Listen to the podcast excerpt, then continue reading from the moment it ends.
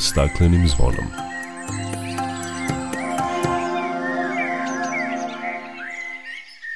Dobar dan i dobrodošli na zeleni talas prvog programa radija Radio Televizije Vojvodine. Ja sam Dragana Ratković. Svetska meteorološka organizacija saopštila je da je prva nedelja jula bila najtoplija od kada se meri temperatura. Govorit ćemo o izmenjenim klimatskim uslovima u svetu i kod nas. Visoke temperature često dovode i do izbijanja požara, pa će biti reči i o realizaciji projekta kojim je predviđena izrada plana zaštite od požara za specijalni rezervat prirode Carska bara. Pre nekoliko dana na Dunavu je primećena čudna boja vode koja nalikuje naftnoj mrlji na ulasku u Rakovački Dunavac. Nije reč o nafti, nego o ugljenoj prašini.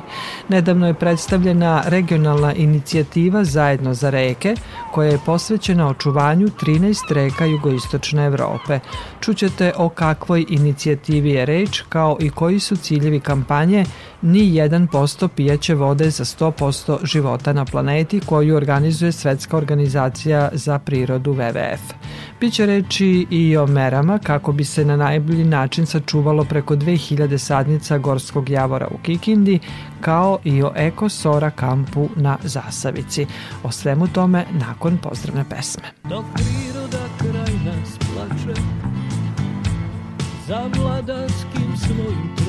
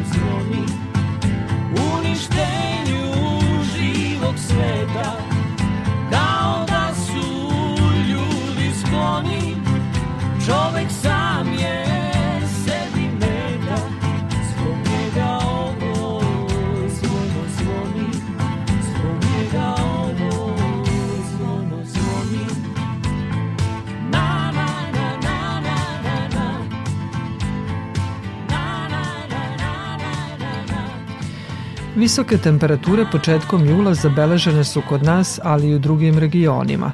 U Vojvodini su tropske temperature pred vikend malo opale, a tome je prethodilo veliko nevreme sa olujnim vetrom, pljuskovima i gradom.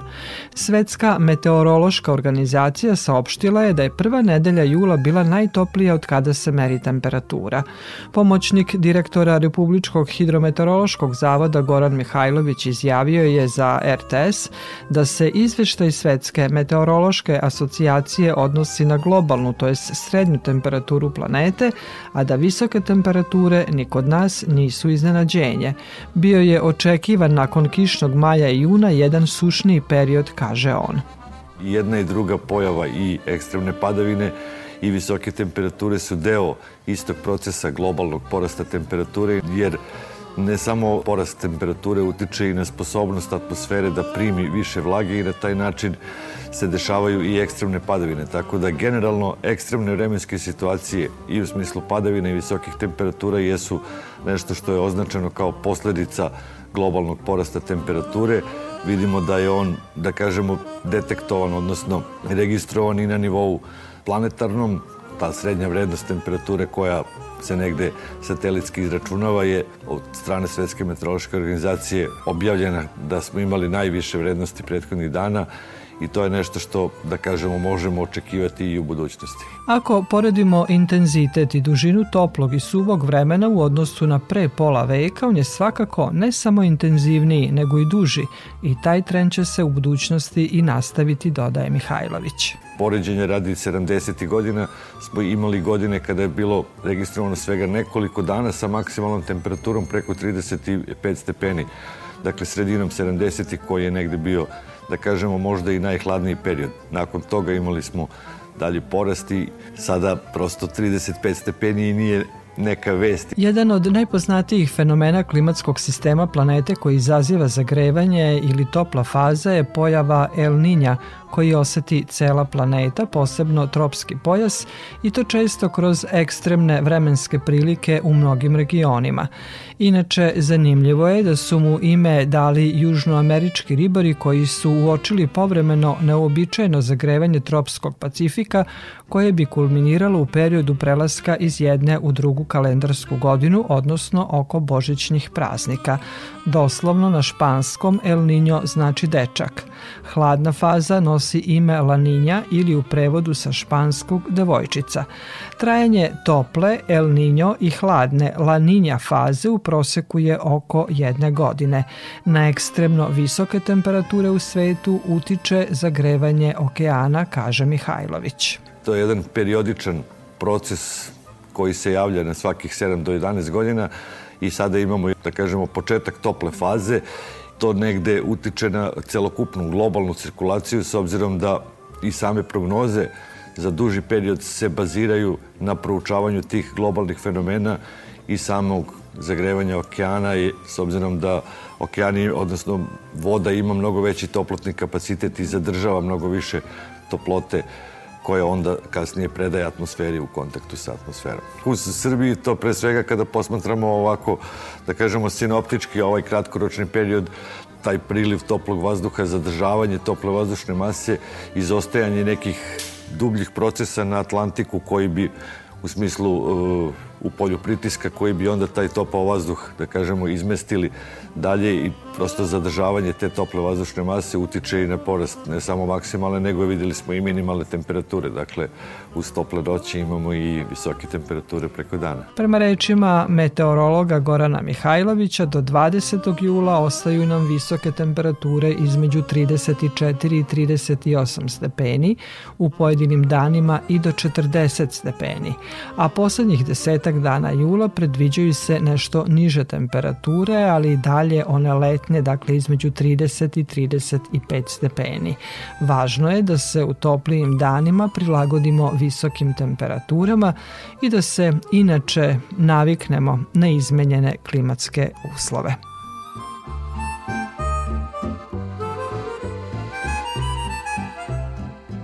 Visoke temperature pogoduju širenju požara i vatre. Zato i ove godine stiže apel iz Uprave za vatrogasno-spasilačke jedinice i javnog preduzeća Srbija šume da građani zaštite šume od požara, da se odgovorno i savesno ponašaju i ne pale vatru i nisko rastinje na otvorenom, ne bacaju opuške jer tako dovode u opasnost sebe i druge ljude, ali i ekosisteme. U cilju sprečavanja požara u zaštićenim područjima, pokrajinski sekretar za urbanizam i zaštitu životne sredine Nemanja Erceg potpisao je sa VD direktorkom ustanove rezervati prirode Zrenjanin Jasnom Jovanov ugovor za realizaciju projekta kojim je predviđena izrada plana zaštite od požara za specijalni rezervat prirode Carska bara, kao i rekonstrukciju protiv požarnog puta i nabavku opreme za gašanje požara u tom zaštićenom prirodnom dobru. Više o tome iz Renjanina Jelena Milićević. 4 miliona dinara biće dodeljeno po konkursu Sekretarijata za urbanizam i zaštitu prirode javnom preduzeću Rezervati prirode. Taj novac namenjan je za plan protivpožarne zaštite, zatim rekonstrukciju protivpožarnih puteva i za nabavku opreme, kaže pokrajinski sekretar za urbanizam i zaštitu životne sredine Nemanja Ercek. Cilj nam je znači da ovake projekte unapredimo zaštićena prirodna dobra, da ne samo oni služe isključivo za u naučno istraživačne svrhe, već i isključivo da služe i građanima. Svakako priroda je ono bez čega mi ne možemo i Pozivam sve građane, kako autovim pokrenom tako i Republike Srbije, da čuvamo svoju prirodu. Ovakav vid podrške ima veliki značaj za očuvanje ovog prirodnog dobra, kao i za njegovu zaštitu. Podsećamo, 2018. godine ovo područje je zahvatio požar koji je naneo veliku štetu i biljnim i životinskim vrstama, tvrdi Jasna Jovanov, vršila s dužnosti direktora javnog preduzeća Rezervati prirode. Više od 1800 hektara prvog stepena, drugog stepena zaštite izgoreo. Posledice su velike, a upravo požar nije mogao biti ugašen na vreme zato što pristupnih puteva nije bilo, bili su u dosta lošem stanju. Tako da je ovo značajno zato što ako se e, dogodi neki požar u narednom periodu, e, mi ćemo moći brzo da reagujemo, imaćemo puteve, opremu, tako da sami čuvari će prvi e, moći da izađu na teren i da počnu sa gašenjem požara, a kasnije uz pomoć vatrogasnih ekipa. I ranijih godina pokrajina je ulagala sredstva u očuvanje i opremanje carske bare, pa je tako izgrađen i Vidikovac, koji služi svim ljubiteljima prirode koji posećuju ovaj rezervat prirode. Za budućnost sekretar je najavio i podršku u izgradnji vizitorskog centra iz budžeta pokrajinske vlade.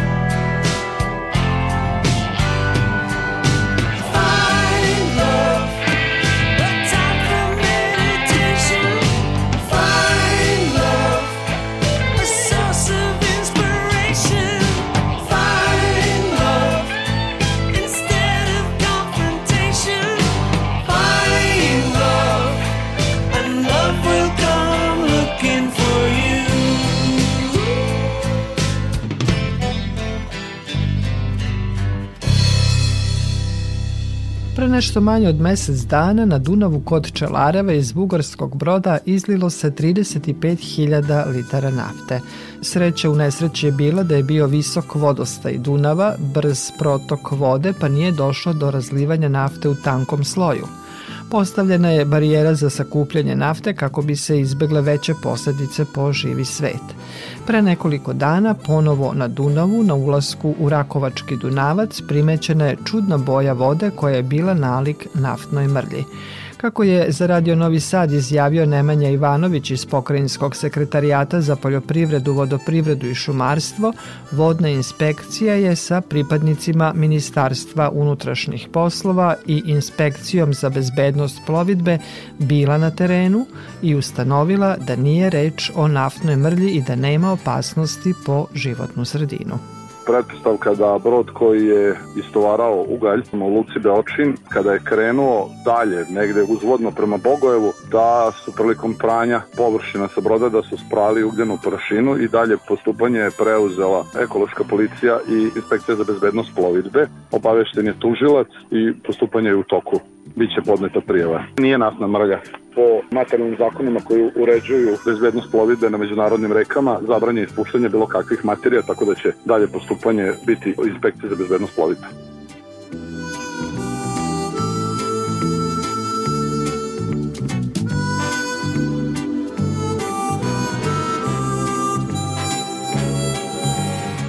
Slušate emisiju pod staklenim zvonom. Nedavno je predstavljena inicijativa Zajedno za reke koja će u pet zemalja regiona raditi na zaštiti reka u jugoistočnoj Evropi. O kakvoj inicijativi je reč, o tome razgovaram sa Natašom Milivojević, direktoricom ekološkog udruženja RZV, jednom od partnerskih organizacija. Nataša, dobrodošli na Talasa Radio Novog Sada. Hvala vam na pozivu i pozdravljam vas i vaše slušate. Nedavno je predstavljena regionalna inicijativa Zajedno za reke koja je posvećena očuvanju 13 reka jugoistočne Evrope. Znamo da je sve veći pritisak na vodne resurse i da su one sve više ugrožene. O kakvoj inicijativi je reč? Godinama pričamo o tome da smo mi na jednom globalnom nivou od kako se brojnost populacije prati negde od 1970 a populacije se odnose na slatkovane vrste, upravo smanjila je za nekih 83%, odnosno mi smo izgubili nekih 30% slatkovanih ekosistema. Shodno tome i bovi postojeći sistemi zaštite u našim državama su uglavnom usmereni prvenstveno na očuvanje koprenih područja i oni ne mogu da odgovore na sve pretnje koje su prozrukovane kako fragmentacijom, tako i regulacijom reka.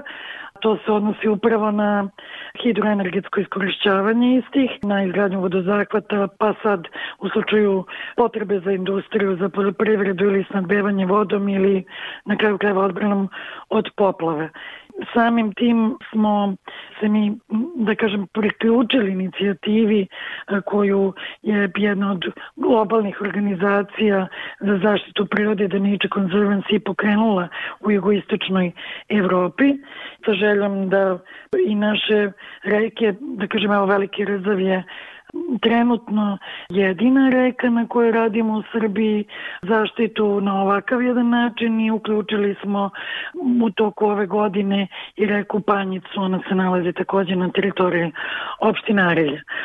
Cilj ove inicijative je da se zaštiti 400 km reka širom jugoistočne Evrope i ovakav jedan oblik zaštite podrazumeva i potpuno zabranu izgradnje brane i tih hidroenergetskih postrojenja kao i svih objekata koje bi narušili vrednosti zbog kojih su reke zaštićene. E sad, sa neke druge strane, ovakva jedna zaštita ne zabranjuje, naravno, sve aktivnosti na reci, već upravo podstiče razvoj i ulaganje u one aktivnosti koje uključuju jedno razumno i održivo korišćenje prirodnih resursa za dobrobit lokalne zajednice, tako i, i same prirode.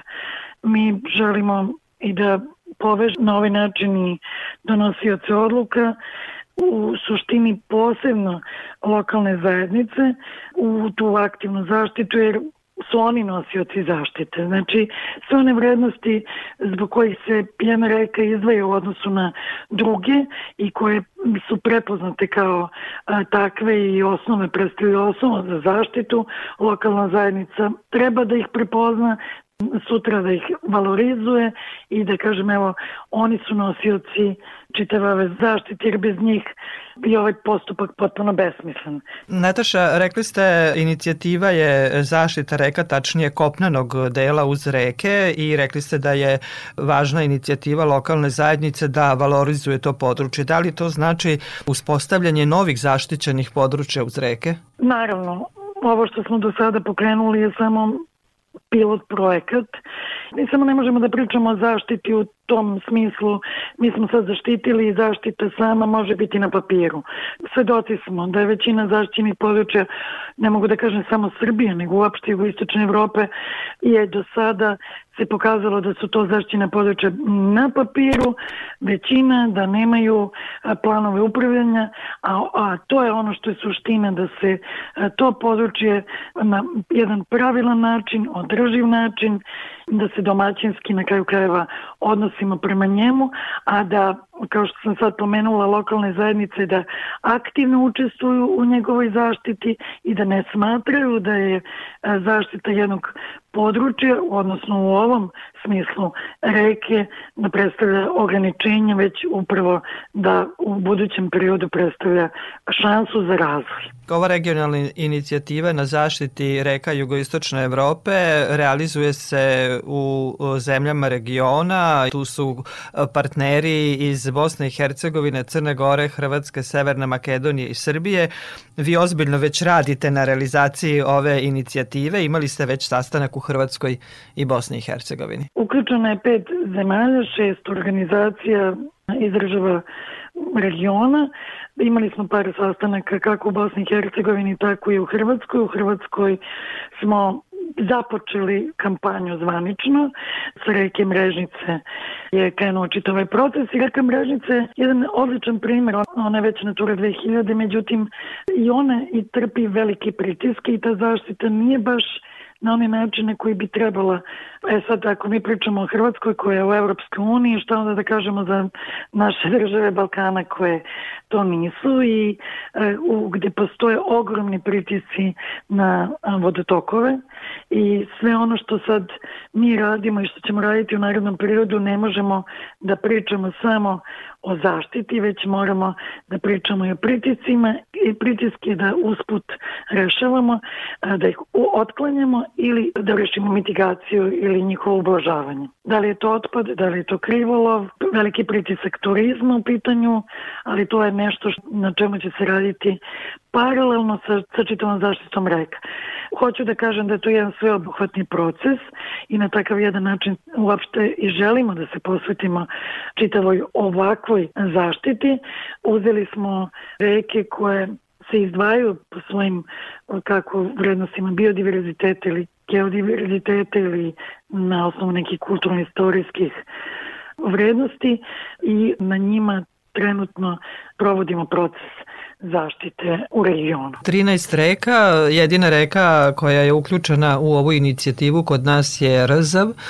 Rzav se definitivno, zahvaljujući svojim i hidrološkim i geomorfološkim kao i hidrogeološkim karakteristikama, ali njega čini još i taj minimalna izloženost antropogenom uticaju izdvaju odnosno na ostale reke u Srbiji, a s obzirom da smo mi kao udruženje još 2015. godine podneli inicijativu ka Zavodu za zaštitu prirode za njegovu zaštitu, odnosno izradu studije zaštite i istraživanje. 2018. godine je čitavo to područje velikog rezava i ušlo proces naučnog i stručnog istraživanja Zavod je završio 2022. godine studiju i Ministarstvo zaštite životne sredine je objavom na sajtu i to se smatra čim se ministarstvo objavi pokretanje postupka, to znači da je to područje se smatra zaštićenom, da važe i režimi i mere koje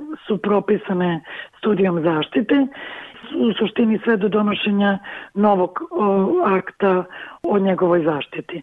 Veliki Ruzov je takođe specifičan zato što on predstavlja i jedan značajan centar genske i specijske ekosistemske raznovrasnosti. On je potencijalno Natura 2000 područje. Dužine rečnog toka koji se štiti je 51 km. Inače, Veliki Razav je dužine 66 km, međutim, on ima bretnje. Bretnje se ogleda u, u izgradnji velike hidroakumulacije Svračkovo, čiji postupak izgradnje traje još od 2010. godine. Taj projekat je deo jednog velikog hidroenergetskog sistema Drinsko-Limskih elektrana i to datira još od 70. godina shodno vodnoj osnovi u tom periodu. U nekom trenutku je izvučen iz Fijoke ovaj jedan projekat i sada možete da zamislite kako to izgleda nakon svih tih godina. Projekat koji je tada planiran i to idejno rešenje i danas kada pričamo o klimatskim promenama, o potpuno izmeni hidrološkog režima, naročito takva jedna velika hidroakumulacija u to vreme nije imala planiranu ni, ni riblju stazu, a o tome kakve biljne životinske vrste i šta se sve nalazi na tom području, naravno da, da nije istraženo. Jedan od razloga zašto smo mi inicirali zaštitu velikog rezava je upravo da vidimo šta se sve nalazi na tom području i kako je moguće da, da jednu takvu reku koja se i svojim kvalitetom vode može se izgledi jedna velika hidroakumulacija i da se sve te vrednosti koje su, evo da kažem sada već, i prepoznate i istražene i, i došli smo do toga, do svih podataka šta je ono što se nalazi na ovom području e, da se potopi i svesti smo da je izgradnja velikih hidroakumulacija i za potrebe i vodosnadbevanja i hidroenergije jedna od opravdanosti i argumenta države za tako nešto, međutim mi nikada nismo videli nikakvu studiju opravdanosti u ovom slučaju, a svi gradovi zbog kojih i postoji sadašnja akumulacija za vodosnadbevanje imaju svoje alternativne rešenja i za budući period. I ono što se i pokazalo na području Velikog razava i nekim detaljnim hidrobiološkim analizama koje smo mi kao jednu dopunu u čitave ove studije zaštite koju radio Zavod za zaštitu prirode, a mi je izradili sa Prirodno-matematičkim fakultetom i da smo na tom području upravo i našli 170 biljnih vrsta i od kojih je 78 od međunarodnog i nacionalnog značaja, pa smo svim tim analizama došli do podataka da se u velikom razavu nalazi 132 vrste bentosnih algi, imamo 90 vrsta akvatičnih makrobijskih čeminjaka, imamo 13 vrsta riba kao jedan nov autohton nekontaminirani haploti potočne pastrnke u, u njegovom gornjem toku, i što stvarno ukazuje koliko su značajne te detaljne hidrobiološke analize i koliko je značajno da imamo sve, da kažem, parametre uključene kada radimo zaštitu kako jedne reke, tako isto i zaštitu područja.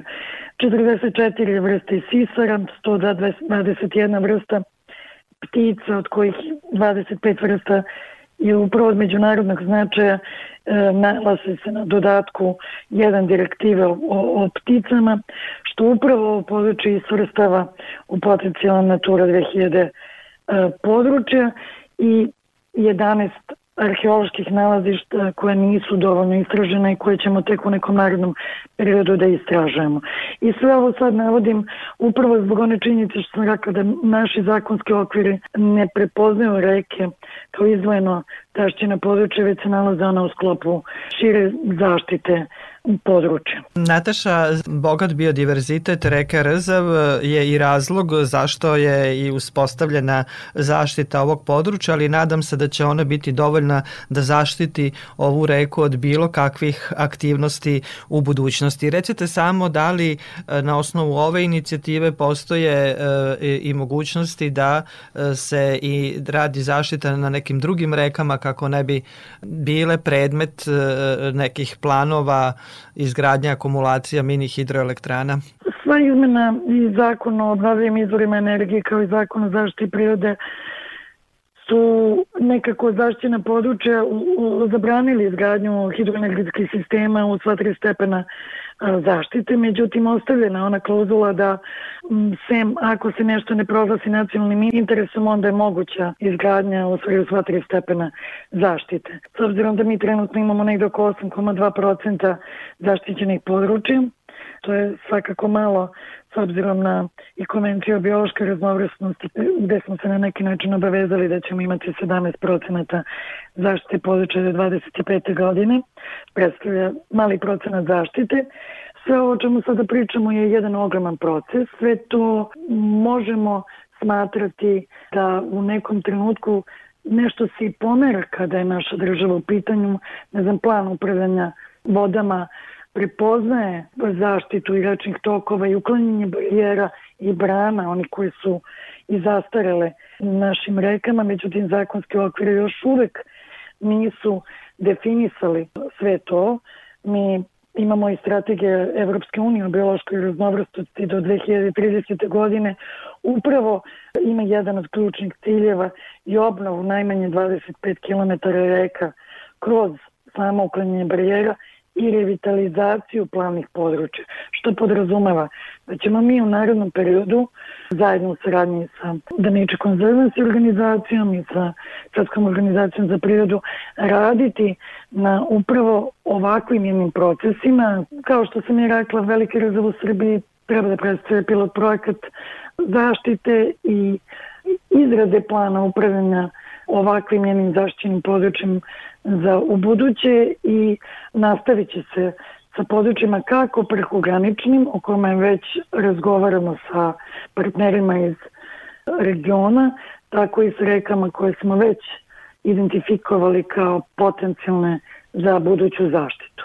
Evo, ovo je samo početak, veliki rezerv, reka Panjice koja je trenutno u proceduri, odnosno završava se studija zaštite, u pitanju je kanjon reke Panjice, vodopad i vodena pećina, tako da eto u nekom narednom periodu i do kraja godine već smo u procesu pravljene plana šta dalje. Nataša, hvala vam lepo za razgovor i učešću u programu Radio Novog Sada.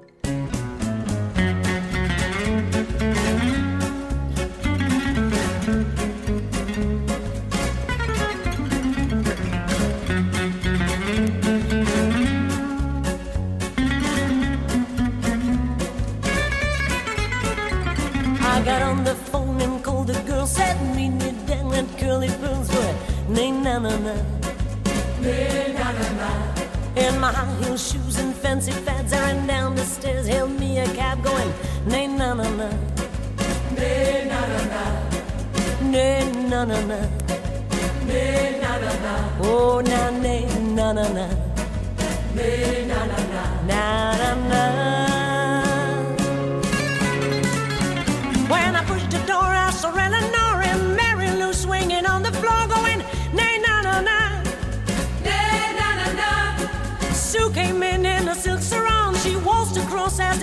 Song.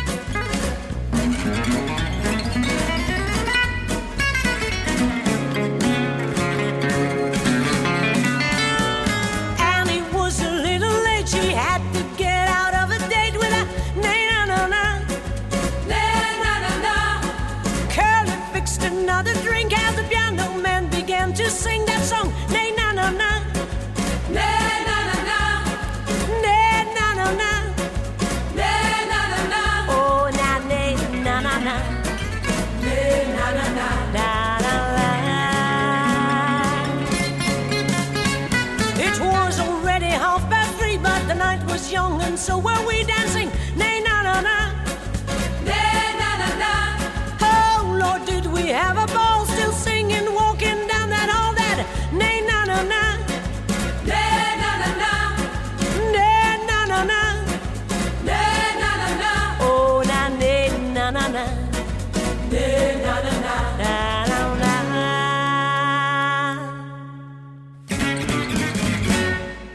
Slušate emisiju pod staklenim zvonom. Nijedan posto pijaće vode za 100% života na planeti naziv je izložbe kojom je WWF Adria ukazala na to koliko naše aktivnosti utiču na vodu od koje zavisi sav živi svet na zemlji.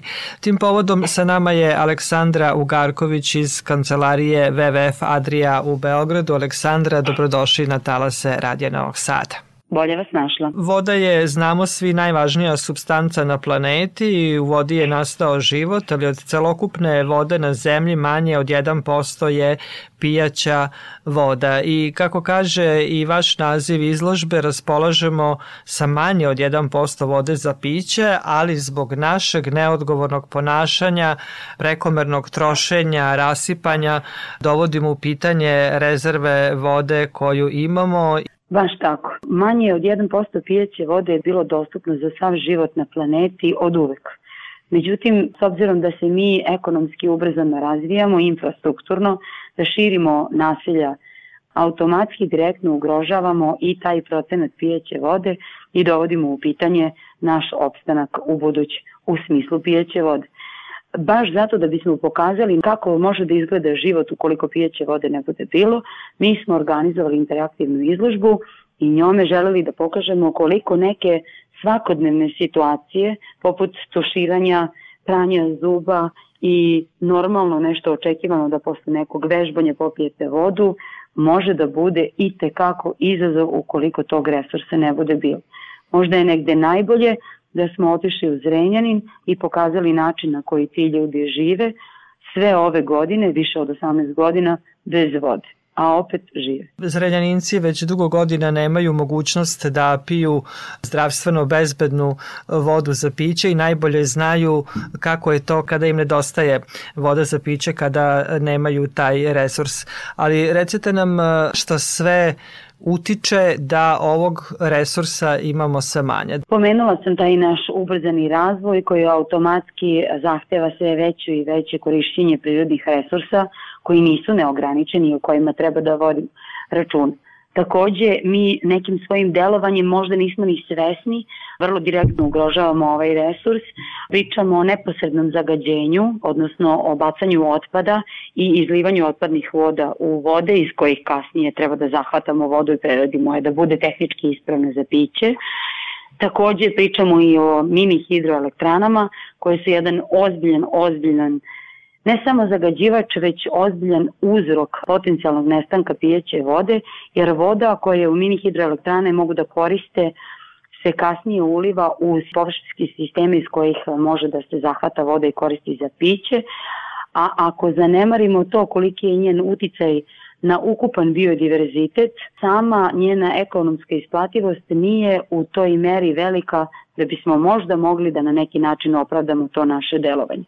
Dakle, treba da povedemo računa o tretmanu otpadnim vodama, treba da povedemo računa o neposrednom zagađenju koje direktno ispuštamo u vode i koje kasnije koristimo za piće i uopšte treba da povedemo računa o našem odgovornom ponašanju kako mi individualno, tako i korporacije koje bi mogle da posluju održivo i mogle bi da urade samo procenu svog poslovanja i uticaja na životnu sredinu tako što će koristiti neki od alata koje je WWF već razvio. Ako govorimo o vodi kao ograničenom resursu, onda možda i da ukažemo na to da sve što koristimo ili konzumiramo ima vodeni otisak i možda ilustracije radi da kažemo da u zavisnosti od toga gde živimo i šta jedemo, trošimo dnevno od 1000 i po do 10.000 litara vode. Jeste, veća brojka koju ste pomenuli karakteristična je za urbana područja,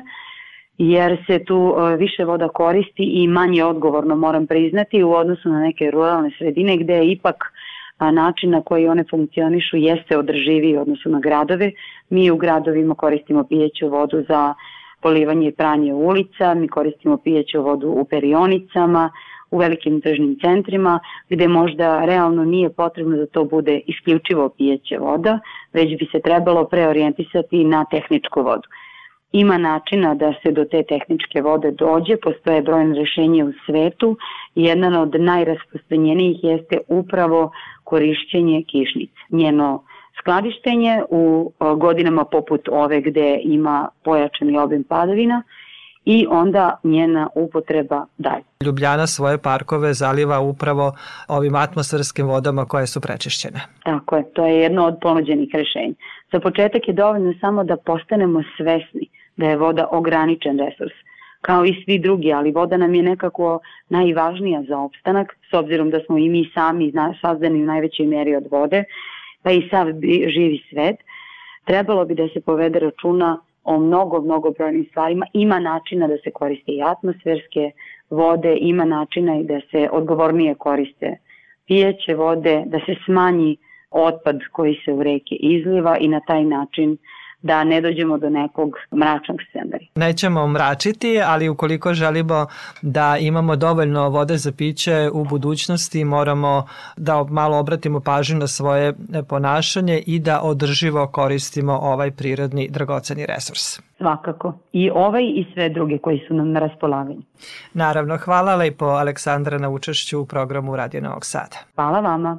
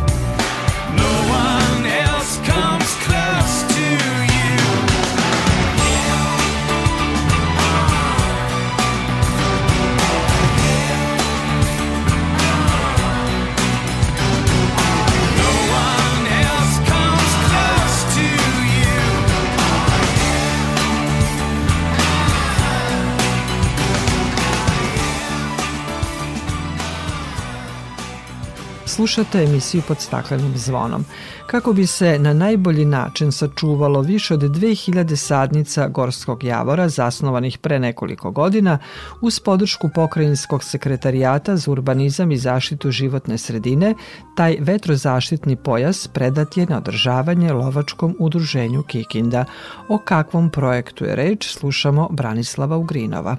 Izuzetno interesantan pilot projekat grada Kikinde, naravno u saradnji sa nadležnim pokrajinskim institucijama i lovačkim udruženjem u Kikindi. Ovaj vetrozaštitni pojas dužine je oko 6 km i sadrži više od 2000 sadnica gorskog javora. Hajde mi sa Miroslavom Narančić, sekretarkom Sekretarijata za zaštitu životne sredine, poljoprivredu i ruralni razvoj grada Kikinde da porazgovaramo konkretno o ovom projektu. Čini mi se da je dobra priča i ne bi bilo, u ostalom, ne biste i ušli u nju da ne mislite da nije. Čemu se konkretno radi? To je pilot projekat e, zaštite ili ti održavanja vetrozaštitnog pojasa. Mi smo sad počeli sa idejom da Lovačko udruženje Kikinda, znači zajednička ideja Lovačkog udruženja Kikinda i nadležnog sekretarijata za zaštitu životne sredine, poljoprivredu i ruralni razvoj u cilju eto zaštite vetrozaštitnih pojaseva e, jeste da damo na održavanje, odnosno na gazdovanje Lovačkom udruženju vetrozaštitni pojas, rekli ste u eto kojoj dužini, u Kikinskom ataru na Bočarskom drumu, eto tačno da se zna u kom je to potezu e, i to je prvi projekat e, koji nadam se da će to lepo se pokazati da već u ovoj narednoj sezoni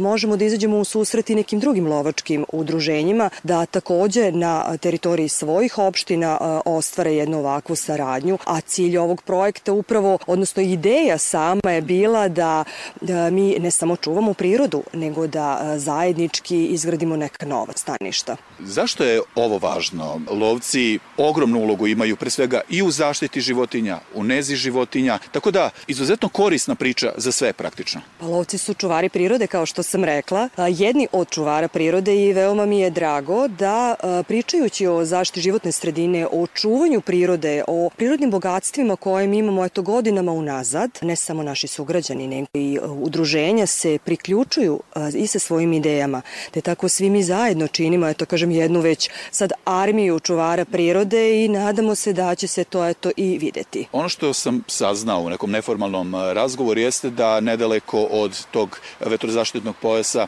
postoje i hranilica, odnosno pojilišta za životinje. U planu je možda da se zasadi nešto novo na tom terenu, tako da eto, zaista može da bude korist višestruka. Za sad u periodu od dve godine, znači u dvorednoj sadnji između Gorskog javora, izvršena je setva prosa. Tako da dobijemo i hranu za divljač, u neposrednoj blizini su i pojilišta, a ideja je da nakon dve godine, znači u to je to dvorednoj sadnji, uradimo sadnju žbunastim formama, formama koje će činiti čak, kažem, i remize, odnosno nova staništa i za ptice, staništa i za životinje, jer sam cilj naš, naš jeste da povećamo eto i tu populaciju, da razvijemo i lovstvo u Kikindi, jer Kikinda je po tome i tekako bila poznata u prethodnom periodu i u prošlom veku zaista prilika koju treba iskoristiti. Hvala vam puno na izvojenom vremenu i novim informacijama. Inače, podizanje vetrozaštitnih pojasa je svakako jedan od prioriteta pomenutog sekretarijata. Zašto to kažem? Zato što je i pošumljenost takođe jedan od glavnih ciljeva. Međutim, koliko je situacija ozbiljna, to zaista treba da se zna. Kikinda je pošumljena negde malo više od 1%. Verovali ili ne, za podizanje pošumljenosti za 1% potrebno je da prođe nekoliko decenija.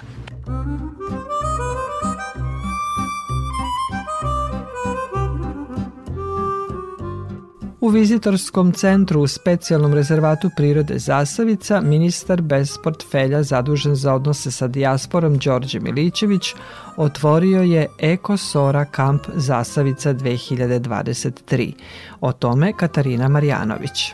Eko kamp u Zasavici prvi je u nizu od ukupno 22 tematska letnja kampa koji će biti održani u 20 gradova i opština širom Srbije rekao je ministar Đorđe Milićević. Važno je da upoznaju kulturno-istorijsku baštinu, kulturno-istorijska zdanja i Zasavice, i Sremske Mitrovice, i čitavog regiona, jer smo potpuno ubeđeni, a to je naš konačan cilj, da ćemo u njihovom srcu ćemo približiti Srbiju i da će u jednom trenutku, kada završe srednje škole, kada završe fakultete, razmišljati da se vrate u Srbiju i da svoje znanje i iskustvo upotrebe ovde u Srbiji i veoma sam zahvalan naravno Sremskoj Mitrovici, gradonačelnici Sremske Mitrovice na najbržoj organizaciji, ako mogu reći, u odnosu na preostalih 19 opština i, i gradova. Cilj ovih kampova je da mladi iz dijaspore i regiona što bolje upoznaju svoju otačbinu, kulturu i tradiciju. Imamo baš veliki spektar ljudi iz različitih krajeva koje možemo da upoznamo i da naučimo nešto novo.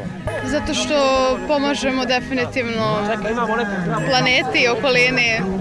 Prijavio sam se da se družim sa prijateljima akcijaši, Srbe, Bosance, Slovence i svi koji su e, odlučili da dolaze, da zajedno se prisetimo kako je nekada se ogradili puti prijateljstva na našoj bivšoj državi Jugoslaviji. Kamp je osmišljen kao prva srpska omladinska radna akcija, prva SORA, kažu nekadašnji akcijaši koji su danas uključeni u realizaciju ovog programa. Kako dodaje Slobodan Simić, upravnik specijalnog rezervata prirode Zasavica i nadam se samo da ćemo svake godine moći ovde da okupljamo ove mlade ljude koji će slično onima pre 30 i više godina graditi svoju zemlju, graditi prijateljstvo, drugarstvo, Kamp je organizovao grad Sremska Mitrovica. Planirano je da tokom boravka u zaštićenom prirodnom dobru mladi se druže, ali i rade u prirodi, posete istorijske i kulturne objekte u Sremskoj Mitrovici i Fruškoj gori. Prvo Eko Sora kamp u Zasavici za njegovu organizaciju država je obezbedila 7 miliona dinara.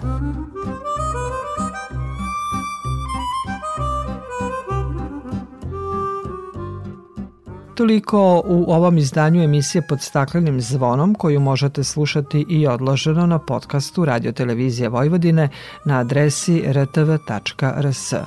Emisiju realizovali Sabina Nedić, Maja Tomas i Dragana Ratković. Naredni susret zakazujemo za sedam dana u isto vreme na zelenom talasu prvog programa radija Radio Televizije Vojvodine.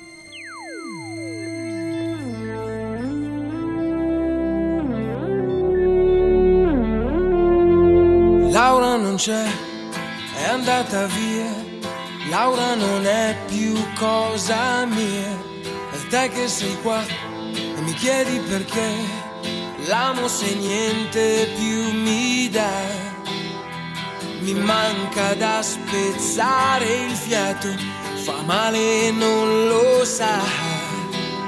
Che non mi è mai passata, Laura non c'è, capisco che è stupido cercarla in te. Io sto da schifo, credi e non lo vorrei. Stare con te e pensare a lei. Stasera voglio stare acceso, andiamocene di là. A forza di pensare offuso, se vuoi ci amiamo adesso, se vuoi, però non è lo stesso tra noi. Da solo non mi basta, stai con me. Sono strano che al suo posto Ci sei te, ci sei te.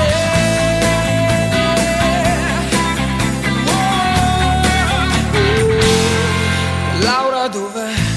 Mi manca sei Magari c'è un altro accanto a lei. Giuro non ci ho pensato mai. Che succedesse muove dentro un altro abbraccio Su di un corpo che non è più il mio.